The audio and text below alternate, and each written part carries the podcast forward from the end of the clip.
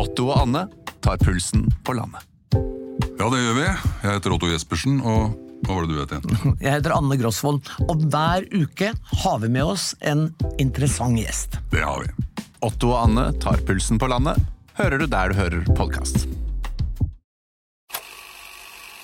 Ready? You have the cameras rolling? He was hosting boozy parties in Downing Street. But when the president does it, that means that it is not illegal. I have a dream. We will win this election and we will change the country together. Mr. Gorbachev, tear down this wall. Welcome. Welcome. My name is Eirik Bergesen, And my name is Sofia Högstøl. and this is still our informal, personal way of glancing up from the daily news headlines, peeking into the future, and trying to present to you the big picture. And as you can hear, we are now speaking in English.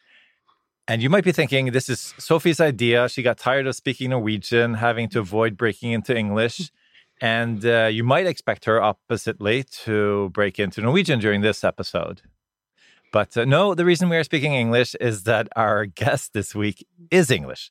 And we are so glad to have with us a key international figure in the diplomatic effort to understand and combat global crises, most notably the war in Ukraine. Uh, this is a person I am told knows nobody knows more about the Security Council than you, Richard Gowan, the UN director of the International Crisis Group. Welcome. thank you very much for having me as your first English speaking guest. I uh, I hope I won't be the last. We'll see. This We'll is see, an, yes. this is an experiment. Could be a Uh, disaster. It's a make or break moment uh, right here now.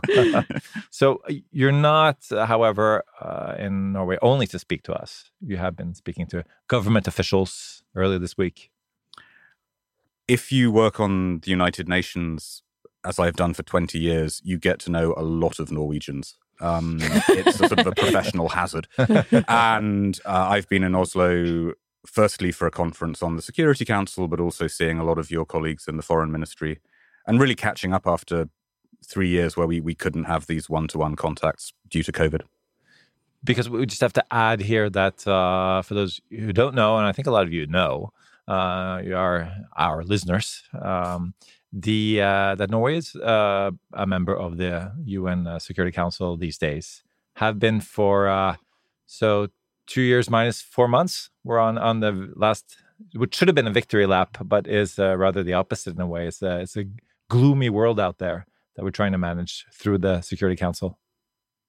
It is a gloomy world, but you know, Norway has been on the council since the start of 2021, and actually, I think a lot of observers of the UN are glad that Norway has been on the council in this period. Uh, Norwegian diplomacy has always had a, you know, a strong focus on the UN, uh, going right back to Trygve. And in a period where we've seen a war in Europe, huge tensions between the US and the Russians in New York, actually having a country like Norway on the Security Council, working on some deals, trying to get compromises on on Ukraine, but also on other problems like Afghanistan and the Middle East, uh, has been really important. And I think your team has has done really well in New York. Well, it's interesting because I um I I do some research on the Security Council. I'm a legal academic for our international audience, and um, I like that I've- for your for, the international audience, you know. Uh, who might be out there, we don't know. um, but I interviewed people before we went into the Security Council, and I followed the process of getting into the Security Council, which is a you know long-winded election campaign, which we which we won. included, were very included happy a to lot win. of waffles. A lot of waffles. We flew out our crown prince. He DJ'd parties at the UN. You know, in the end, we came out victorious over was it Canada and Ireland? Uh, well, Ireland got a seat as well. Yeah. Uh, Canada, they, they did actually do something with Celine Dion um, to try to uh, No. counter the Crown Prince, but they, they didn't quite make it. well, um, but I, the interesting thing was I, I I read some research on when Norway was in the Security Council last time around, which was around 2000, 2001. And uh, some of the uh, academic assessments of our time in the Security Council 20 years ago was that, you know, we went in with these high ambitions. I think at the time we said we were, we campaigned on, we were going to work on uh, African issues, we were going to work on UN reform, we were going to do this and this and that. And then we get into the council, and then uh, shortly thereafter, 9 11 happens, and that whole agenda goes out the window. And this time around, you know, we campaign on women and children in peace and conflict situation. Also, I think security or UN reform uh, linking uh, green issues with security issues, like climate change with security. Uh, and then we get into the council during a pandemic, and then Ukraine. And then all of that sort of goes out the window. So I, I don't know what it's about Norway's times in the in the Security Council, but I, I think it'll be it's it's been an interesting it's not been the it's not been the two years we thought it was going to be. Uh, look, I think every country that campaigns for a seat on the Security Council makes inflated claims about what it's going to achieve. I mean, sometimes really less to satisfy diplomats in New York and more to satisfy a domestic audience, because I think the public imagines, sadly, a bit inaccurately, that you can go onto the Security Council and solve climate change. Right. I mean, the reality is, as you know, is that the Security Council is a place where countries do dirty deals about problems where they have common interests. Um, it's also a political theatre, and we've seen a lot of political theatre over Ukraine this year. But behind the scenes, as I said, as I mentioned just now, you know, Norway has been working away on some really nasty files, such as how the UN can get humanitarian aid into Afghanistan, Yeah. talking to the Taliban. And despite all the noise over Ukraine, um, the Norwegian mission has sort of very slowly worked on that, very successfully actually worked on that, and even persuaded the Chinese and the Russians to support a con- continued UN presence in Afghanistan. Now, Ukraine is getting all the attention, but actually, the UN can probably do more good Right. getting food, getting medicine to the, to the Afghans. And so, I mean, I, I admire that sort of painstaking diplomacy by your team. And then, uh, so I'm, I'm going to draw a little bit on my uh, diplomatic experience on a very low level. Uh, having worked uh, somewhat with with uh, peace and reconciliation, because diplomacy, uh, unfortunately, works in that fashion. That even though we have done these things uh, that you mentioned, uh, Richard, uh, and thank you for highlighting them because I think a lot of people don't know when, just following the news in Norway. However, what they do know is that uh, we flew Taliban over here in a private jet with with white leather seats, and somebody forgot to tell them not to take pictures and post them online, which created uh, diplomatic A huge diplomatic scandal. scandal, uh, uh, because uh, nationally. You know, why are we flying out the Taliban in first class private jet seats and they're like taking selfies and posting them online? so, so trying to make the world a better place sometimes the, it's the devil is in the details uh, obviously I I mean, are people suggesting that the Taliban should have sort of flown economy class with SAS? I don't know. I don't know. They I think have they been paying also- for their peanuts. Um, I- I- I think they also didn't consider the fact that they they cannot do that because they're on lots of terrorist lists. There's a reason that we had to fly them in. You know, there there are lots of international law reasons for why we did what we did. But uh, for our new foreign minister at the time, this was quite difficult because she took over. Uh, she became minister uh, in mid October. I think you know. I, I think that at least in UN circles, Norway has a good reputation for talking to bad guys, and that can be the Taliban, um, or it can be the guerrillas in Colombia, where you know you help lead the peace process. And I, I appreciate that that may make some people uncomfortable, um, but the reality is, whether you're dealing with Afghanistan, you know, or whether you're trying to get some minimal deals to mitigate the war in Ukraine, you have to talk to um, very unpleasant people. And uh, you know, Norway has a, a reputation, uh, along with some other countries like Switzerland, for being able to manage those sorts of uh, relationships. It will get you into some embarrassing situations. Um, and it would be nice if the Taliban had better sort of like social media protocols, but I, I guess that wasn't a priority when they were in the, the mountains. Um, but uh, you know, I do think it is actually one of your national strengths.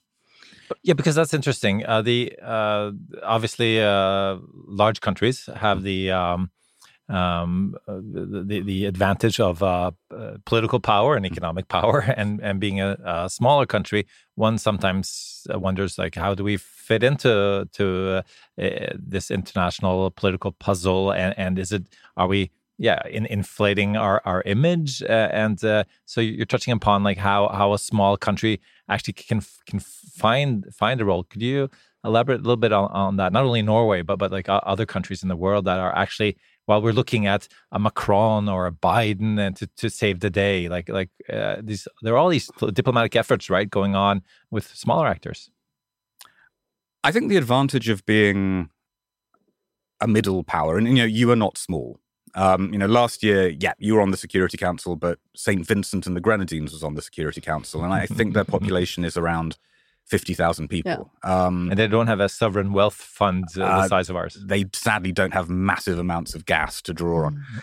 Um, yeah, but, so you are a middle power, um, and you know, I I follow what Norway's doing in the UN system. I, I don't follow what you're doing in NATO as, as closely, for example.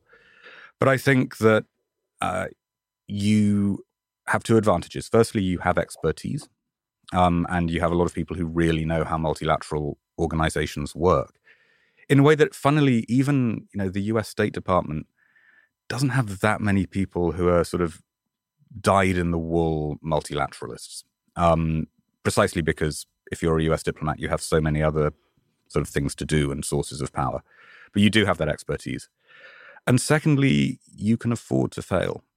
Um, and, you know, we highlight the cases where Norway has had some big successes, like Colombia. But, you know, Norwegian officials have also been chipping away, trying to do do things to ease the, the political crisis in Venezuela, and there have been a lot of setbacks. And I think that if you're a Macron, um, you can't really afford to sort of get into these processes and and fail too too obviously. Um, whereas if you're a country like Norway, you can sort of take that risk of failure, and I think that that's actually enormously important. That's really interesting. I I was curious though, because we spoke before you came into the studio that you know we've both taught Security Council issues to students at different times. Uh, and we'll get back to that. But you said that you've been working on Security Council issues for 20 years. Why the Security Council? What brought you to this field of expertise? Um, it wasn't planned. Um, uh, 20 years ago, I was working on Britain's relations with the EU and you know obviously we that went really well. Yeah we sorted out uk eu relations. Like, that's done. That's done. What's what's next? Um, but I, I got interested in what europe was trying to do what the eu was trying to do with sort of crisis management in in africa. And that led me to being interested in the un and then actually uh, it was a norwegian. It was espen barth eide. Um, our current minister of climate and, indeed. uh, yeah. Um, who he introduced me to uh, some experts working on the UN in New York, and they very kindly said, "Come over for two years, you know, find out what it's like to to work around the UN." And twenty years later, I have uh, two American kids, and I've lived in New York for most of my professional life, and I've just sort of lived in the UN world um, for much longer than I expected. Also, uh, talking uh, before we entered the, the, this um, studio, we were sort of comparing notes. Do you know this person, and this person, and so on?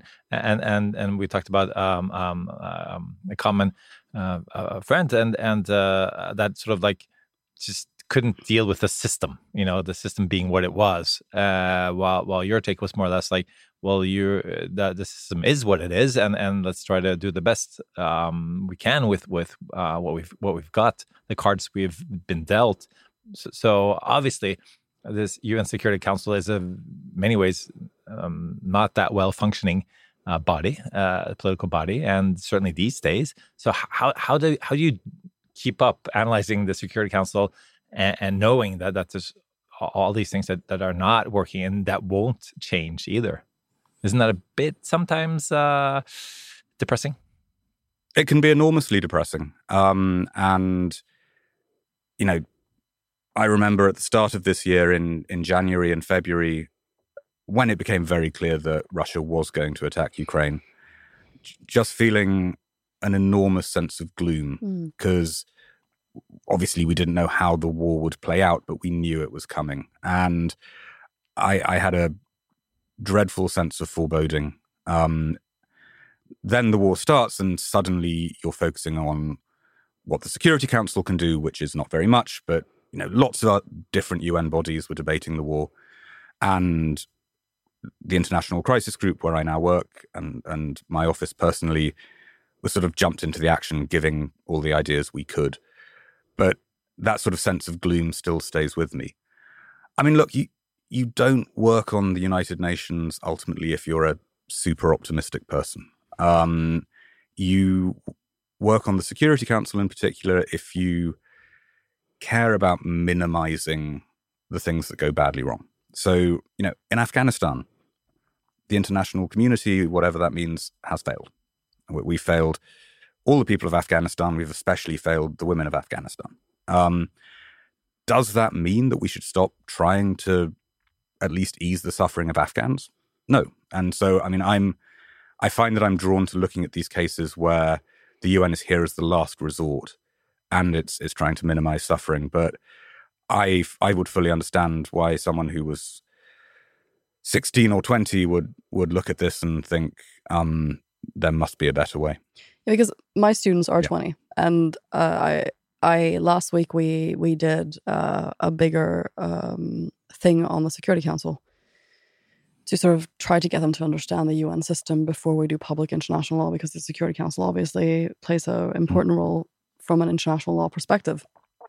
And I think it really struck me that when I was starting to study the Security Council myself in you know 2005, 2006 in London, it was a there was a different feel you know when you approach the UN. Uh, I read uh, parts of your report on the Ukraine war and UN reform, and you sort of make the point that around that time, the UN was quite shocked, you know, by the war on terror, by the failures in Iraq.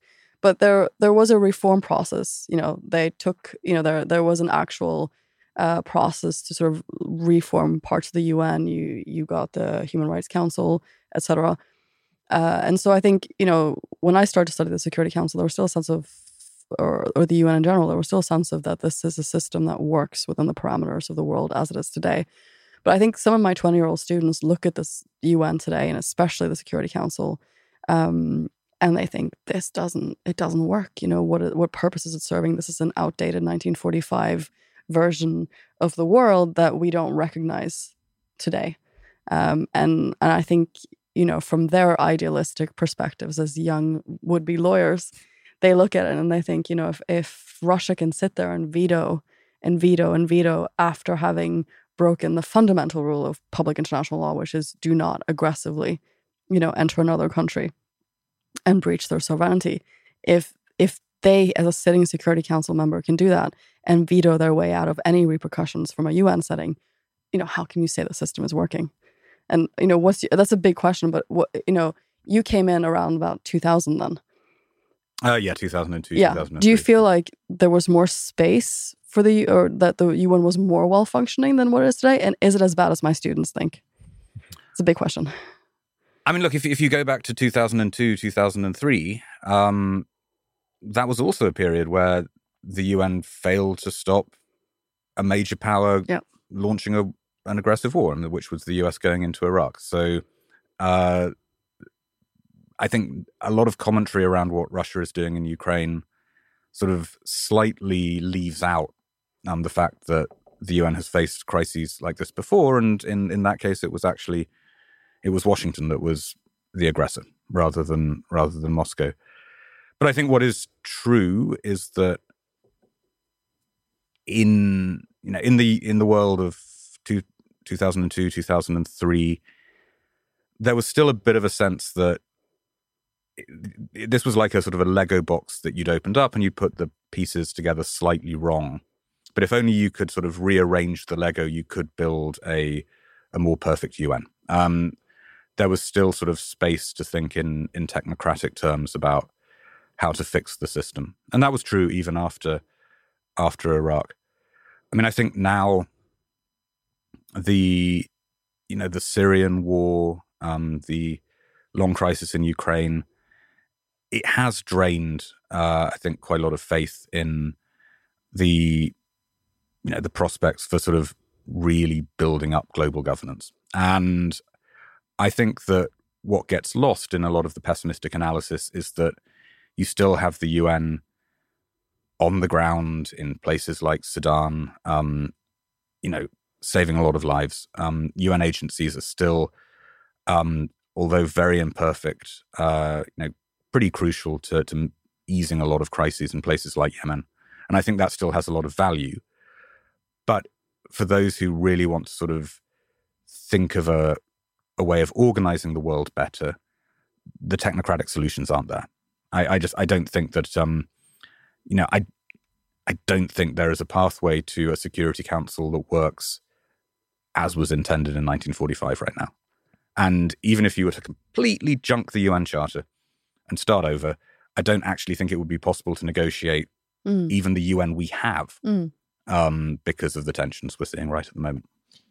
That's that's a very interesting uh, point and uh, uh, certainly a bit uh, gloomy. And I think that a lot of people who listen to to podcasts such as this and people like us speaking, they they try to um, look for for uh, some bit of positive development, and I guess maybe that's part of the reason that, that we, we do podcasts uh, like this, uh, uh, Sophia. I am sorry, I'm losing you listeners as we speak. no, the numbers no. are going down. No. uh, um, no, I, I think that the because we end up like this uh, quite a bit ourselves. Um, uh, however, and I, I think this also has sort of like uh, maybe a Scandinavian thing, you know, with a welfare state, and we're sort of like constructing this, as you say, like technocratic uh, world that that that uh, we seemingly improves our lives step by step, and there's sort of like this uh, uh, linear. Uh, um, I don't know, like like uh, like um, Martin Luther King, the arch of uh, justice is is peaking, uh, you know, um, in a positive uh, manner, although it takes a long time. So, but are we are we seeing a, a setback? Are we seeing sort of uh, history repeating itself? Are we back to scratch somehow? Um, that's a big question. It's a big question. I think, and I, I think actually, we've mainly been talking about this in the context of of Ukraine. Mm. Um, and if you look at the situation with with Russia in the system, it, it, it is um, pretty bleak. Although it's it's worth saying that even the Russians during the Ukrainian war have been willing to cooperate with other powers in a minimal way on dealing with other situations like Afghanistan and Syria. Even the Russians have some interest in keeping the system going. But I think we should look away from Russia a bit and you have to look at China because the, the really big strategic question about the future of the UN is can this organization keep working in a world where the US is no longer solely dominant and you have a peer competitor in China coming up? And here I think there is a there is a glimmer of hope, which is that the Chinese have clearly decided that the UN is good for them. You know, we're not in a situation like the 1930s when you had powers like Germany and Italy walking out of the League of Nations. because that's you know that's what some really pessimistic people would say is that we're in a situation now where the League of Nations obviously predated the UN. Yeah. It failed, Yeah. um, and it failed because the big powers walked out. Well, we're not know- we're not seeing that. China Yeah. is actually leaning into the UN, and now this this worries the Americans. It worries the Europeans because you know suddenly China is campaigning, often quite successfully, to take some pretty senior jobs in the UN system. Uh, the Chinese, they're less interested, I think, in the Security Council, and they're more interested in sort of what the economic agencies of the UN can do to help their their global rise. Now, um, there are a lot of concerns associated with that, especially about how China wants to minimize the role of human rights in the UN. But nonetheless, in the grand scheme of things, it's better that China is trying to work inside the system rather than following the the 1930s path and just walking away and trying to bring the whole system down. So I think that, you know, in 20 years' time, in 30 years' time, uh, there probably will be some sort of UN. Um, and it will have more Chinese characteristics. We don't know how we get there and how we balance all our interests in the process. That that uh, brings up uh, one of the questions that a lot of people who are um, um, like us try, trying to look into peek into the future and and ask what's next um, are she is Xi, Xi Jinping um, watching what what's happening in Ukraine and thinking like "Ah, maybe this is a good idea if I do it in a different, smarter way? Or is uh, he thinking that uh, this shows that I should not uh, uh, enter Taiwan, uh, even though uh, Pelosi provoked me? That question is well above my pay grade, and, and also it's, it's hard to, uh, you know, it's hard to sort of monitor that when you focus on the UN because um, in the UN system, Taiwan doesn't really Right. exist. Um, it's not something that is discussed in the Security Council. I mean, I would say that. I mean, having tried to be positive for a little bit, um, to get back to the negative. I mean, if there was, I was a- afraid of that. yeah, sorry. I mean, if there was a clash, if there was a clash over Taiwan, I think that would actually have even more fundamental repercussions for the international system than what we're seeing in Ukraine, because I think it would lead to a a Chinese U.S. rift that would be um, an enormous challenge to the future of international cooperation. That said, I, I mean, I, I, I only follow tangentially the analysts who work on Chinese military planning. Um, I still don't see that it's in Beijing's interests to to bring down the entire system.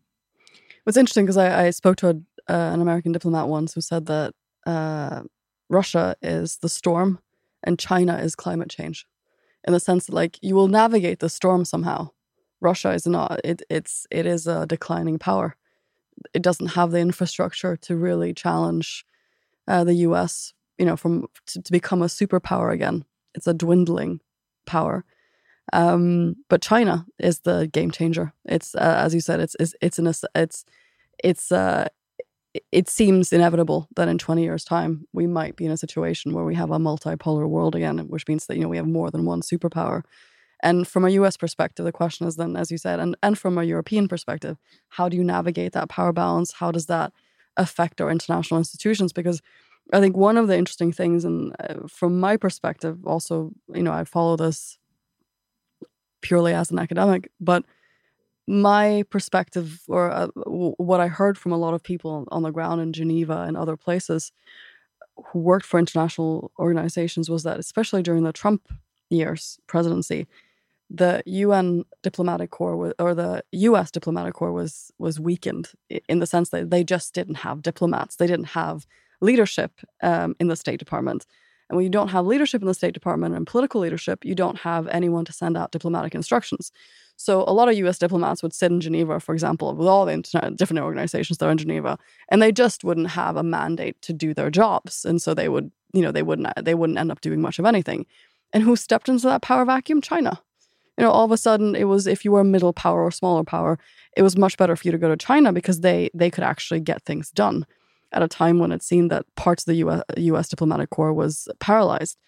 And and that's kind of what you're seeing is you're seeing China China step into different spaces in a different way than maybe were doing 20 years ago and how that i've thought a lot about that how that changes the fundaments the fundamental characteristics of our international order in 20 years time i think is going to be really interesting to see because as you said you know there are maybe going to be more some things that are good and there are maybe going to be less of human rights you know different areas they're going to be deprior or downplayed in that situation I mean, I think we saw very much the same in, in New York in the Trump era, Yeah. and yeah, we're we're talking about the grand arc of history, as you say. But if you talk to most diplomats in New York and you say, "What's the single biggest question about the future of the UN?" their answer would be, uh, "Who wins the 2024 US elections?" Yeah. um, because there is a sense that things were bad with Trump, but actually, in part because the European Union, other countries like Norway, sort of lent in and did everything they could to keep the UN system going, the damage was limited and the damage was reversible. So, you know, Trump said that the US would leave the World Health Organization over COVID, and it didn't. Trump pulled out of the Paris climate change deal. Biden came back in. But there is a, mean, there's a definite sense that if we have Trump again, or if we have someone who is very Trumpy, um, then the US will really start to hurt the UN in a in a more determined way, or just walk away from the UN. Well, it's funny because the day after the U.S. elections in 2016, I was at the time I was uh, doing a book, book project on foreign fighters, which was my research field at the time, and I'd organized a conference. I wasn't. I was still not commenting U.S. politics on TV, which is why I'd I'd uh, made. And this was the, one of the first conferences I'd put together myself as a young PhD academic. And so we had we we had we had you know we'd settled on a date half a year before, not realizing it was the day after the U.S. election. But all the people coming to that conference were people who worked on you know terrorism, war crimes. You know, most of them had worked in the UN system tangentially in some form. And I remember so well that, you know, the shock of that morning, because most of us had stayed up all night. So we sort of came into this conference at 8 a.m.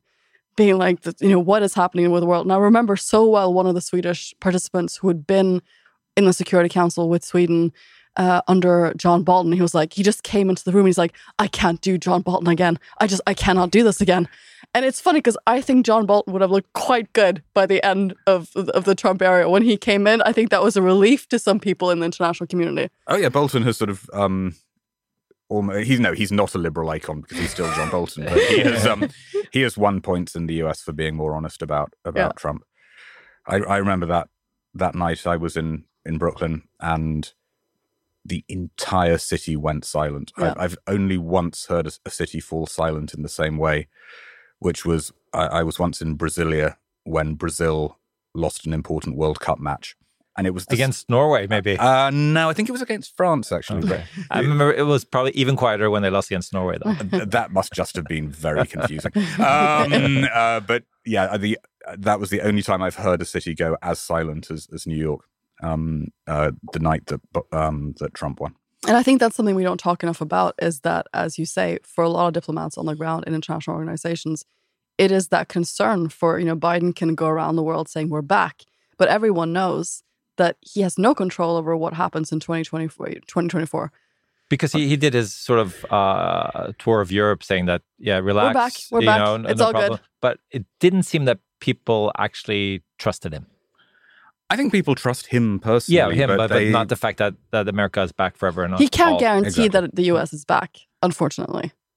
Uh, no, no, and I, I mean, I, if I were a professional diplomat planning my career, I'm not sure that I would sign up to be an ambassador at the UN in 2025 because you could just be on the receiving end of a, of a, a awful lot of. Um, I'm trying not to think say a bad word. Um, you could be on the receiving end of an awful lot of bad stuff if if Trump comes um, back in, and so that that is in everyone's minds.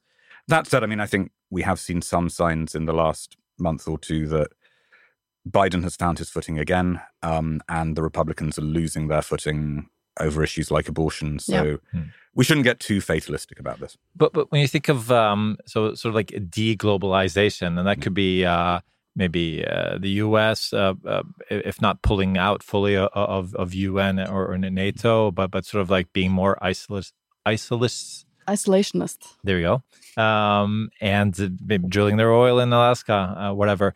The um, um, and and you also can see that uh, the the world also due to security um, concerns and, and and the experiences from from Russia's invasion in Ukraine uh, start pulling out of uh, deals with China um, and, and critical infrastructure and and because we now understand it took us a while that that they there are security uh, concerns letting China build your 5G network and so on. Um, sort of and that collides somehow in in what we've long believed that that trade with uh, author, authority help uh, me out now uh, Sophie. Authoritarian regimes. There you go. Uh, helps and even sometimes even forces these countries to liberalize politically. Isn't the lesson that that that has not worked when it comes to Russia and, and China, and that we see more uh, de uh, globalization? I think the uh, yeah the liberal idea that you could sort of change the political DNA of the Chinese Communist Party has has proved to be uh, untrue. I I think though it's important to emphasize that it is still a highly interdependent world. I mean, undoing globalization is not something that happens overnight. And you, you see this actually in the the global ramifications of Russia's war on Ukraine, which Mm. is it's a regional war in Europe that is affecting energy prices globally, that's affecting food prices globally.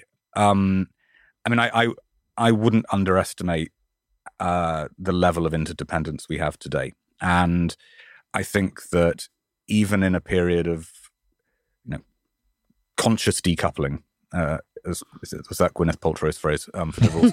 um, even, even in a, a period of conscious decoupling, actually, uh, a lot of the trade networks we have and so on will remain in place and will need to be managed. So um, I don't. I, I think that those common concerns will remain out there. You said the regional war in Europe, and that made me think of a conversation I had with our Minister for Development when we were at Arendalsuka, which is this sort of big, uh, big week of democracy uh, with lots of organizations and lots of It's different debates. For democracy. For, democracy, yeah. um, but uh, I led a debate for the Red Cross uh, where she made uh, some really interesting remarks about just having been uh, and observing one of one of the few foreign ministers to observe the African Union's top meeting this year, and she said that what really struck her was that from a European and from a Western perspective, we uh, think that the whole world agrees with our perspective on the Ukraine crisis. You know, we think that everyone understands that Russia's the aggressor and that this is a, a fundamental war that's changing the character of the international system. Whereas what she says she's experiencing is that when you go to other parts of the world, there's a somewhat of a resentment to the fact that Europe is reacting at this level to the Ukraine war. You know, when when you know from a from a from a more global perspective, you know, where's that kind of thoughtfulness been with regards to a lot of armed conflict in, for example, Africa, Syria for that matter, and so on. You know, and and secondly, that while you know, for them, this is a regional war in Europe that doesn't necessarily have the massive ramifications that we, from a Western perspective, thinks that it has. And you know, they're still very open to working with Russia. How do you see this from a? And she said, you know, she's she's worried that we're sort of living in these two realities, not realizing that for a lot of the world, they don't see the Ukraine war the same way that we do. And that by not understanding that, we're giving China and Russia a space to do work, you know, building up their narrative of the conflict and the sort of world order that they would want, because we're not engaging with ourselves in, you know, in, in explaining this or, or, or in bringing countries into to what, our perspectives, because we think it's so obvious. You know, is that something that resonates with you from what you're seeing in the UN? That there's yes, a split? absolutely. And um, if you go back to the early months of the war, I think that Western countries miscalculated quite badly because they kept pressing African countries, Arab countries, to condemn Russia. Um, and then at a pretty early stage, African diplomats started to say, we're very worried about what this war means for global food prices Oh, um, yeah. and, and our economies. And we're very worried about what it means for international aid flows because Western countries are going to divert money to Ukraine and away from Africa and other developing regions. And the initial European response in particular was, yeah, yeah, yeah, don't don't worry us with that. This is a war um, like no other war. Yeah. We just need you to to support us And get in line. and get in line. Um, and there were stories of European diplomats going into meetings on uh, sea level rise in the Pacific and saying, before we talk about sea level rise, we need to talk about Ukraine. And I mean, if you come from a an island in the Pacific that is sinking, that is not a great message to hear. I, I think it's got better. Um, I think actually this is one thing the Biden administration has got right. Um, the Biden administration moved quite quickly to address concerns about global food security to show that they understand why those concerns are, you know, are, are very pressing. But even so, um, you know, we definitely are seeing a sort of a battle to control the narrative about what is happening in Ukraine, uh, where you know you have Lavrov, the Russian foreign minister, goes to Russia. Then Blinken from from Washington, uh, not goes to Russia, goes to Africa. Then Blinken goes to to Africa. I, I think uh, I think that there's still a huge battle to persuade the world that our version of what's going on in Ukraine is um, is the correct one. Yeah, because I, I think that was an interesting perspective because she said that you know, uh, you know, especially from a from a Norwegian perspective, we just think everyone understands you know what this is like. You know, given that we neighbor Russia, but that's just not you know it it it's it gave me food for thoughts for for for two weeks now. I've been thinking about that. Yeah, because uh, one of the the the, um, the sort of things that, that that we the we sort of uh, look upon and think that it, it's it's there's a certain positivity um, um, to it is is the fact that we've sort of rallied around the concept of democracy, at least in in the, the liberal Western uh, democratic world, and uh, we've uh, the even the the faith in institutions uh, such as the EU, NATO, and and the, and the UN. Um, and maybe that is um, also um, something that uh, Putin uh, miscalculated that we would do, and maybe he thought that we would split more. But but there is certainly, as you say, as you say, a divide here with the rest of the world. So so how do you see another big question, Richard? Sorry, how, how, do you see sort of the the, the concept of democracy going forward uh, here? Are we actually able to to, to, to sell it? Obviously, we weren't able to do it in the Middle East. So, so I mean, what, what is the value of of democracy these days in the world? I mean, you know, it's it's worth saying that countries' positions on Ukraine are not dictated by whether or not they're democratic. I mean, the Indians, um, uh, what I think the world's largest democracy by population, have been very careful to maintain good ties with Russia, despite appeals from the West to uh, to alienate Moscow. And similarly, a lot of African democracies um, are still tilting towards towards Russia.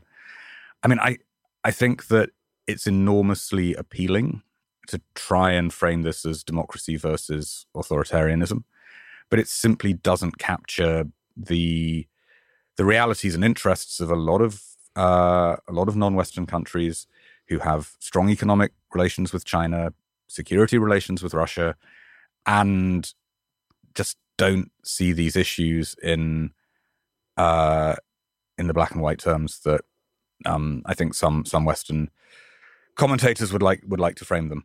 And this is not a, so much of a problem for Norway, but uh, it is also worth saying that you know the legacy of colonialism did not somehow get deleted mm. um, mm. in 2000 with the arrival of the new millennium.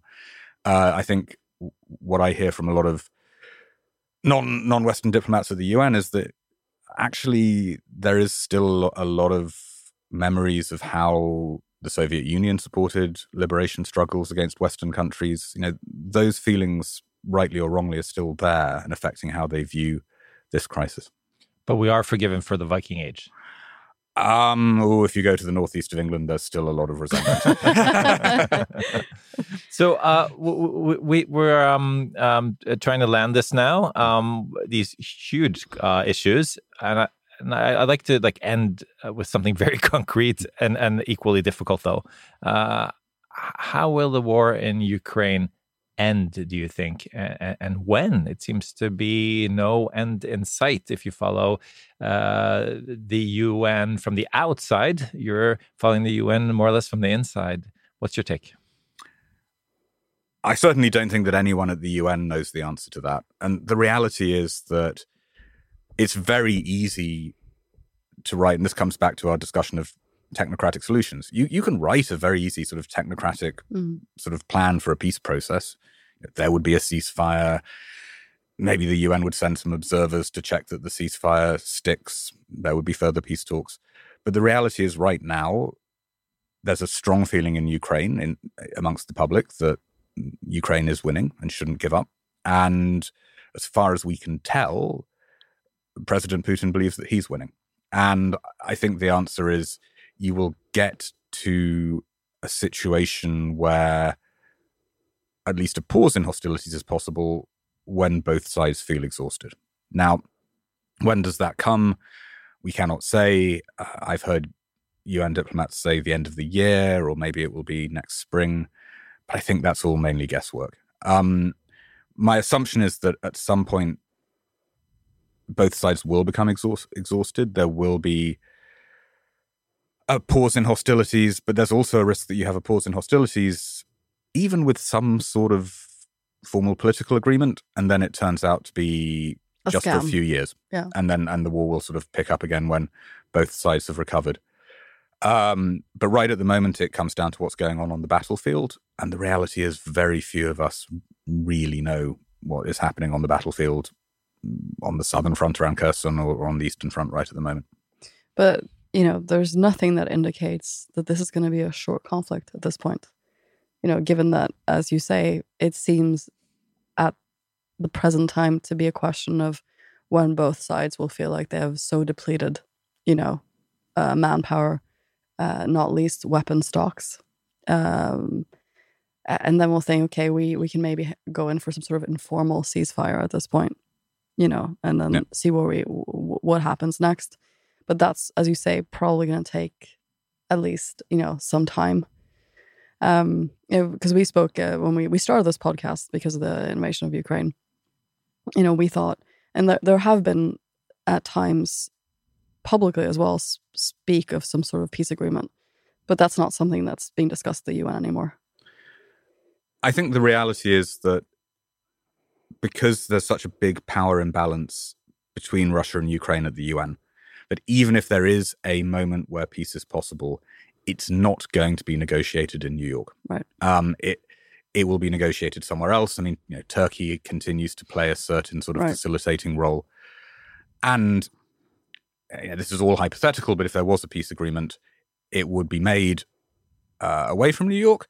But I can imagine that everyone would probably say, "Yeah, we need to bring this to the Security Council," you know, to be sort of formalized. So my my guess is that the UN will have some sort of role at the, at the end of the war, if there is a chance to end it. But it, the peace process will not start on First Avenue. Um, it will it will start in sort of some shadowy conference rooms in in places far away. And and apologizing to my former colleagues in in uh, the foreign ministry that it has been a while since I was uh, sitting around your uh, office uh, tables uh, trying to make the world a better place to be. Um, I, I, I do remember though that that uh, when when people looked to Norway and our, our population help us solve this and this crisis, we sort of try to say because it's easier to say that we, we are like a, a peace facilitator, but but that all depends on on that. Uh, I remember the term like the, the parties have to be motivated. It's not that we're running around the world with the, the missing piece of a, a, a political puzzle um, because we're Norwegians. It's because we were able to facilitate. People can go here um, in secrecy and, and negotiate, and uh, as you said, we, we can uh, uh, we uh, can afford to fail. Uh, so it seems that that uh, yeah, we need to wait until uh, Russia and Ukraine are um, uh, are motivated, are and as you say, uh, exhausted. Unfortunately, I think I think that's right. Uh, I mean, there have also been studies that show that it is worth trying and failing Mm. um, to to get peace agreements. That actually, just the process of making people who are fighting talk about what circumstances they would make peace under can sort of help gradually build up the the framework for an eventual agreement. Um, so it requires a lot of patience and a lot of persistence, but yeah, it, it does also it does involve a lot of failure. Um, yeah. and uh, one one last question was, which probably won't be the last question anyway. we, we're talking about institutions, about systems. Um, what about people? Uh, obviously, these are, are people sitting down around the table, and and we've all followed and and maybe been a bit surprised and certainly impressed by a person like Zelensky. H- how important are, are, are people to um, peace solu- solutions in the world? I And- think and, him in a special. Yeah, no, I think I think that if you look at a lot of peace processes, it's often a, a leader um, who uh, sort of is willing to take risks, who can can make peace, and um, you know clearly in this context, you have Zelensky on the one hand, but you have Putin on the other hand, and you know Putin's personal control of decision making is such that I think one reason that previous sort of peace talks between the Russians and Ukrainians haven't got very far is that the Russians sitting at the table have not been well connected to Putin, so they don't really have any. They don't have a mandate to actually. No, they're not. They're not serious in that sense. I think with Zelensky, though, it's, it's worth saying, based on my discussions with crisis groups experts, you know, working on this day in day out, you know, he also has to respond to public opinion, and um, right now, as I said, public opinion in Ukraine is strongly in favor of continuing the war. And Zelensky, unlike Putin, is a democratic leader.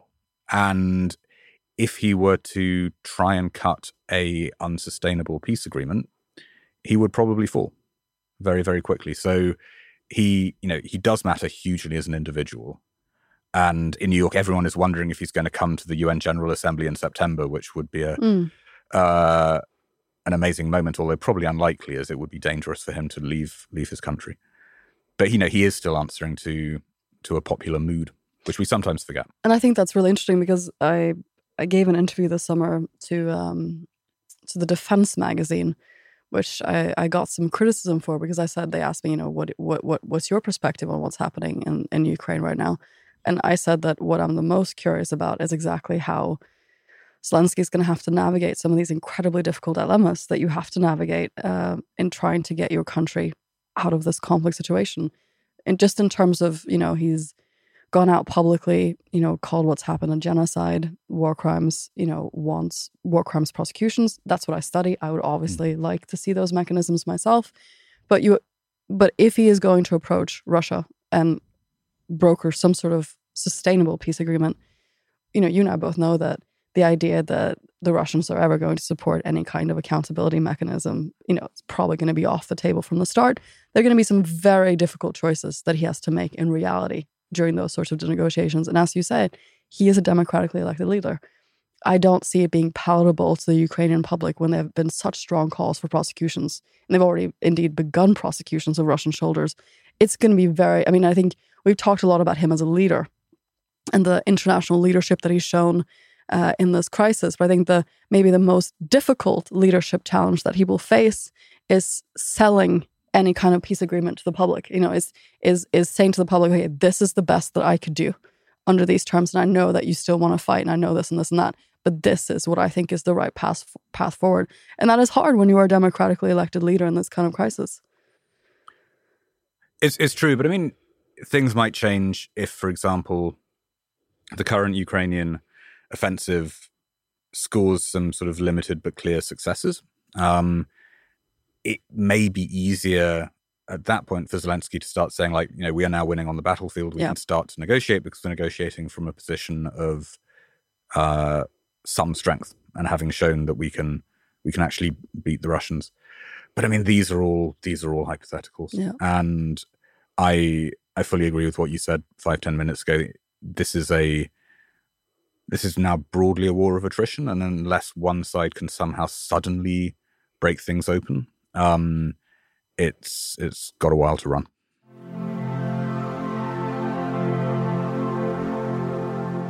So, so Richard, um, um, since you're here uh, and and we've we've analyzed the the world um, uh, in in so many ways already, so uh, we're gonna end this as we always do with a recommendation. And in fact, one of the things that we've recommended, at least I have, at least twice, I've also recommended it. is is uh, sort of our, our uh, big brother uh, in in the UK, which is the rest is politics with uh, Alastair Campbell and Rory Stewart. Um, and uh, is is that is that um something that, that you listen to?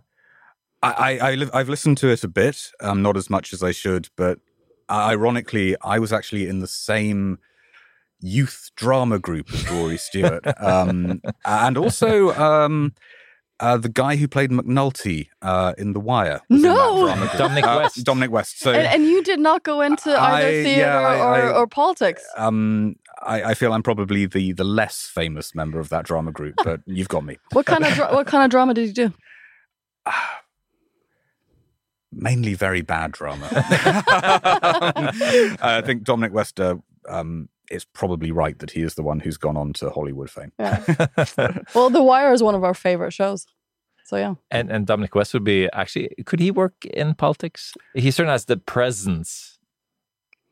Um, I think that if you've got a choice between total make believe and being in Hollywood, I would go for Hollywood because at the moment most British politics is total make believe.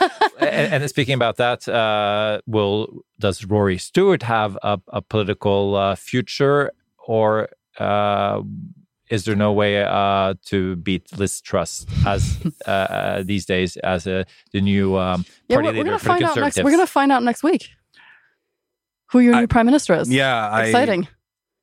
I mean, I think that there's a sense now that the political turmoil in the UK is ending because Johnson is on his way out, but actually that's incorrect. Um, I think that we're in for quite a lot more turmoil, um, at least until the next general election and quite possibly beyond. Is this just a new Maggie Thatcher? I should not comment on the politics of my my home country, but uh, you know, she she could she could be prime minister for a very short period of time. Um, so uh, we will see. We shall follow it closely in this podcast. as will I. Yeah. Uh, so back to the recommendation, Richard. What is your recommendation of the week? So um, this is self self serving, but um, That's also very, you know, we encourage that. Yeah. You make it sound like a bad thing, Richard. okay, if, if I can be self serving, um, uh, in about two weeks' time, uh, when I finished writing it, um, my organization, the International Crisis Group, will publish something called uh, 10 Challenges for the UN in the Year Ahead. Perfect. And it's worth reading because it's not just about Ukraine, although obviously Ukraine is quite prominent. But we look at what the UN is doing in other places like Honduras um, or Yemen, which get a lot less uh, attention, but it's it's quite concise, so it's worth reading. And what have I enjoyed watching uh, this summer? Um, I- think, like everyone else, it was Top Gun. Um, and I, I think what's wonderful about Top Gun is that it has united everyone who works on foreign policy, from the military guys to the, the multilateralists, because it's just fun. And if you if you haven't seen it, what have you been doing this summer? I've actually I went to the cinema and I saw it and I really enjoyed it because a friend of mine was like, eh, you know, like he loves Top Gun. He's like, we have to go see this. It's going to be so great. and I was like, oh, I'm not sure about this. And I really, really loved it. I loved it. I, I, I saw Top Gun this week with two former former colleagues at the um, at the embassy in Washington. in fact, and and I was warned by my 19 year old son and said that it's fairly predictable and a lot full of cliches. And I was like, that's why we're watching it. Come on, I- We- we- in a, in a in, in a world that is not predictable uh, these days, unfortunately. I, I watched it in a cinema in New York, and there was a an old lady in the cinema as well who um, occasionally would just shout, "It's Tom Cruise!" And, uh, and no one minded because it's Tom Cruise, and in, in an uncertain world, what you need is Tom Cruise. That's perfect. That's a perfect uh, end of the episode. Uh, thank you so much, uh, Richard, for um, being with us today and uh, and and for your uh, valuable work in uh, analyzing and uh, promoting the uh, the work in the UN Security Council. Thank you. Thank you. That's enough. Put down the mic. Kiwi er billigst i VGs matbørs og har vært billigst i fire av de fem siste VGs matbørser. Og nå har vi billige parti- og sesongvarer til påske. På 6 ganger halvannen liter Coca-Cola Zero setter vi prisen til 79 pluss pann. På 600 gram Folkets Burger Big Pack setter vi prisen til 79. På 650 gram Lerøy helside laksefilet i aluminiumsform setter vi prisen til 169. For det er vi som er prispresserne. Og vi i Kiwi gir oss aldri på pris.